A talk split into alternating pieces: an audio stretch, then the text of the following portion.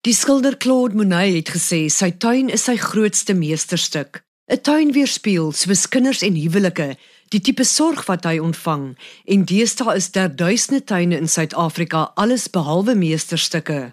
Tuine wat eens 'n lushof en toevlug was, is dor en gestroop van lewe weens die watertekort in groot dele van ons land. Ons gesels vandag met die kurator van die Universiteit Stellenbosch se botaniese tuin, Dr. Donovan Kirkwood, oor waterslim tuine en hoe ons daardie stukkie grond wat so terapeuties is en soveel vreugde verskaf, te midde van al die wateruitdagings steeds kan laat floreer. Die program word tegnies versorg deur Lindsay Johnson.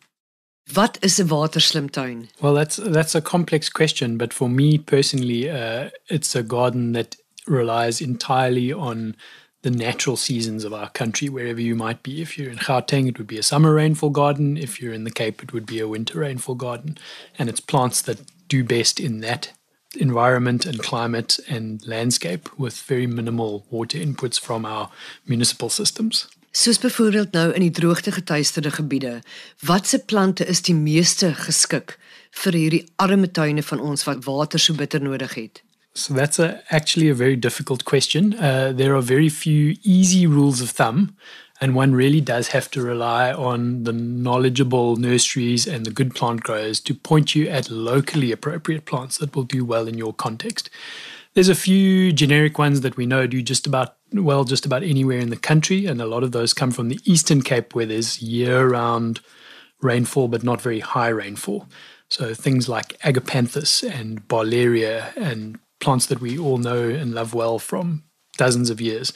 The reason they're so popular is because they're tough and they've been around for a long time. Hoekom is dit so belangrik dat ons almal opnuut na ons tuinontwerp en keuse van plante kyk? I think our gardening heritage in South Africa uh, has partly very much come from a sort of European and British perspective. Uh, we long for lush greenness and abundant flowers and roses, and partly because we're half a summer rainfall or three quarters a summer rainfall country and partly a winter rainfall country, the industry tends to be geared up to a summer rainfall display.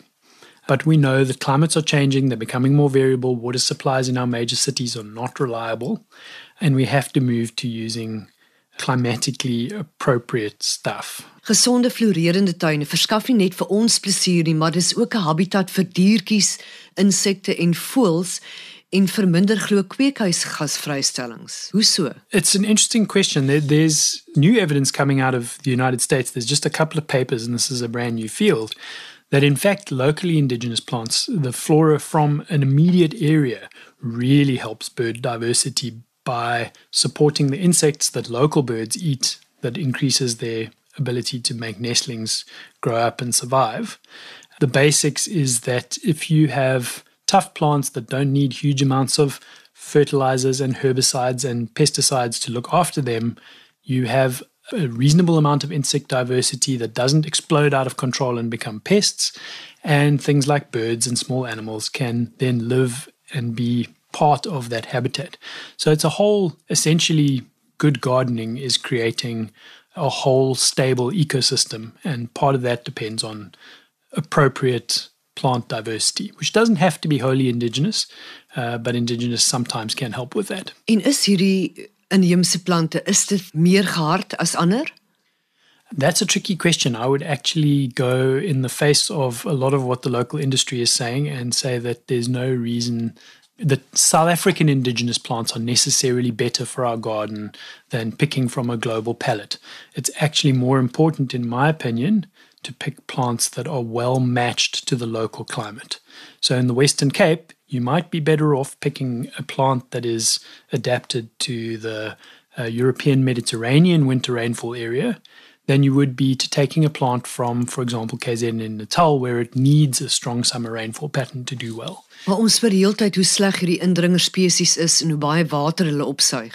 Absolutely. So the flip side of that is that the most hardy plants uh, are potentially the ones that could actually establish and thrive in the wild and, and get out of control. So one needs to be very careful to not plant known invader species. Uh, but those species are well known and they're listed on various websites, including the South African government site uh, invasives.org.za. And we can get an idea of if something is really going to be a problem or not. Definitely steering away from invasives that will steal the very water that we're trying to save is a good idea. Dr Kirkwood, hoe kan verdamping beperk en die grond steeds klam gehou word met min water? The, the most obvious answer is copious application of, of woody mulch or coarse mulch, uh, something like wood chip or coarse shredded material from plant origin or something like that. It creates a, a still layer of air over the soil that lowers evaporation rates, keeps soil cool, and generally keeps plants happy. It also has the advantage of um, providing a slow release nutrient system that is better at making plants strong and healthy and able to withstand dry periods. En wat van kompos? I'm a bit of a heretic. I do not believe that compost is generally uh, a good thing in large amounts in a garden. Uh, most commercial compost contains very high levels of nitrogen and phosphorus. It encourages very rapid and soft plant growth, and it makes plants drop their mycorrhizal associations with the roots that allow them to really absorb uh, moisture better than they can just on their own. Uh, although the general advice is that you should dig in lots of compost in order to make your plants, uh, your soil hold water better. My experience has been that using the bare minimum amount of compost and a fair amount of mulch is actually a far better solution uh, to keeping plants happy. Dis baie interessant. Ek dink ons gaan heelwat reaksie daarop kry. Yeah, a lot of people don't believe me. Dink jy ons gaan nog oor 50 jaar sulke mooi tuine hê of dink jy dit gaan iets van die verlede wees? Heavens! a, water wise garden does not have to be an ugly garden. I think one should not approach this whole situation from a perspective of constraint so much as uh, exciting new opportunities to explore different ways of growing plants. But there are many, many options. And if we look to the landscapes of South Africa for inspiration, we have some of the most beautiful environments. And these are coming into modern landscaping practice as something that we can duplicate, we can we can replicate, we can work on. Vertel ons van julle botaniese tuin. Wat kan mense daar sien en leer? So it's a it's a very interesting garden. We have a very long history dating back to the turn of the last century and we as a result have collections from all over the world. So if you want to kind of get a, a sense of just about everything you can see in the world. It's a great place to go and find all of that in two little city blocks.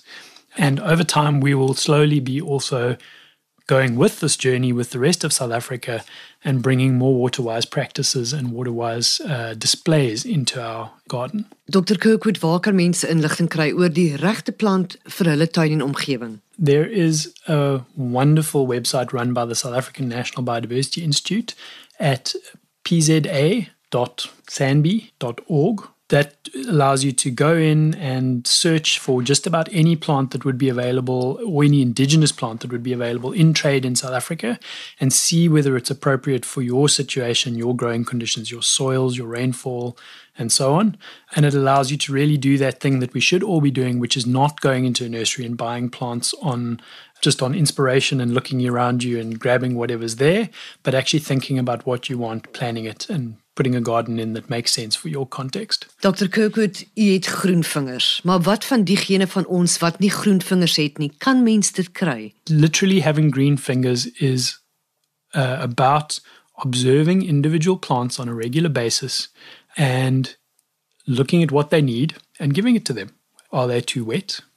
People kill more plants by overwatering them than by giving them not enough water. Are they too dry? That does happen sometimes. Uh, are they showing nutrient deficiency syndromes? Are they uh, got their roots stuck too tight in a pot, uh, root bound? They're, it's a question of just looking at your plant and seeing what it needs. And that means hanging out with your plants every day, which has got to be one of the most fun things to do. Dit was Dr Donovan Kirkwood, die kurator van die Universiteit Stellenbosch se botaniese tuin. Soos hy verduidelik, kan ons deur so 'n bietjie beplanning en slim watergebruik steeds verseker dat ons tuine floreer. Iemand het eendag gesê, 'n tuin is 'n lus vir die oog en troos vir die siel. Met Dr Kirkwood se wenke is dit ongeag die omstandighede wel haalbaar.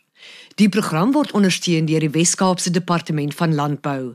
Ons groet tot volgende week. Onthou die aarde is kosbaar. Kom ons bewaar dit.